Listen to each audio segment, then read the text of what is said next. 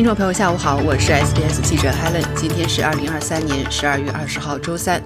本期 SBS 新闻快报的主要内容包括：新西兰总理表达对参与 AUKUS 的兴趣，而坚持反核立场；澳洲尚未决定是否向红海派遣军舰；LBNB 因向澳洲用户显示美元价格而被罚一千五百万。正在澳大利亚访问的新西兰总理表示，有望加入扩大后的 AUKUS 防务协议，但提出了新西兰参与该协议的不可谈判的条件。陆杰峰在澳大利亚进行了他赢得新西兰十月大选后的首次海外访问。他还对澳大利亚决定为居住在澳的六十七万新西兰人快速办理入籍手续表示欢迎。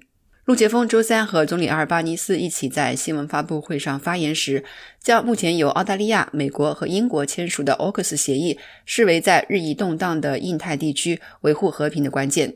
他说：“我们知道，我们正面临着一个更具挑战性和复杂性的世界。我们与我们唯一的盟友澳大利亚之间的防务关系，对新西兰来说至关重要。因此，新西兰致力于为联盟分担重任。”他同时表示，将始终坚持新西兰的无核立场。他说：“这对我们新西兰人来说没有商量余地。”但我们的海军在一起工作。坦率地说，我们希望看到我们各自的国防力量之间有更多的互操作性。在我看来，我们有兴趣探索第二支柱，即联合开发先进军事技术，特别是 AUKUS 和新技术，以及这可能意味着新西兰参与其中的机会。AUKUS 协议的宣布曾经激怒中国政府。陆杰峰的前任西普金斯将中国形容为极其重要的合作伙伴，同时强调新西兰的核立场不会有任何松动。阿尔巴尼斯表示，新西兰在该协议中的参与很可能将以更深入的军事合作为基础。数十年来，反核政策一直是新西兰政治的核心原则。二十世纪八十年代末，新西兰宣布自己为无核区，促使美国将其地位从盟友降为朋友。澳大利亚依然是新西兰唯一的正式盟友。再来关注一下中东局势。总理阿尔巴尼斯表示，澳大利亚尚未同意向红海派遣军舰，因为澳大利亚的国防力量必须集中在自己的地区。联邦反对党呼吁澳大利亚同意美国的请求，派遣一艘船只前往中东，加入多国特遣部队，以确保国际航道免受也门胡塞叛军的封锁。叛军表示，封锁是为了支持当前以色列与哈马斯冲突中的巴勒斯坦人。国家党领袖大卫·利特普劳德表示。封锁可能会导致油价上涨，因为船只会改变航线以避免封锁。阿尔巴尼斯表示，澳大利亚仍在考虑美国的请求，目前正在通过外交手段帮助多国工作组。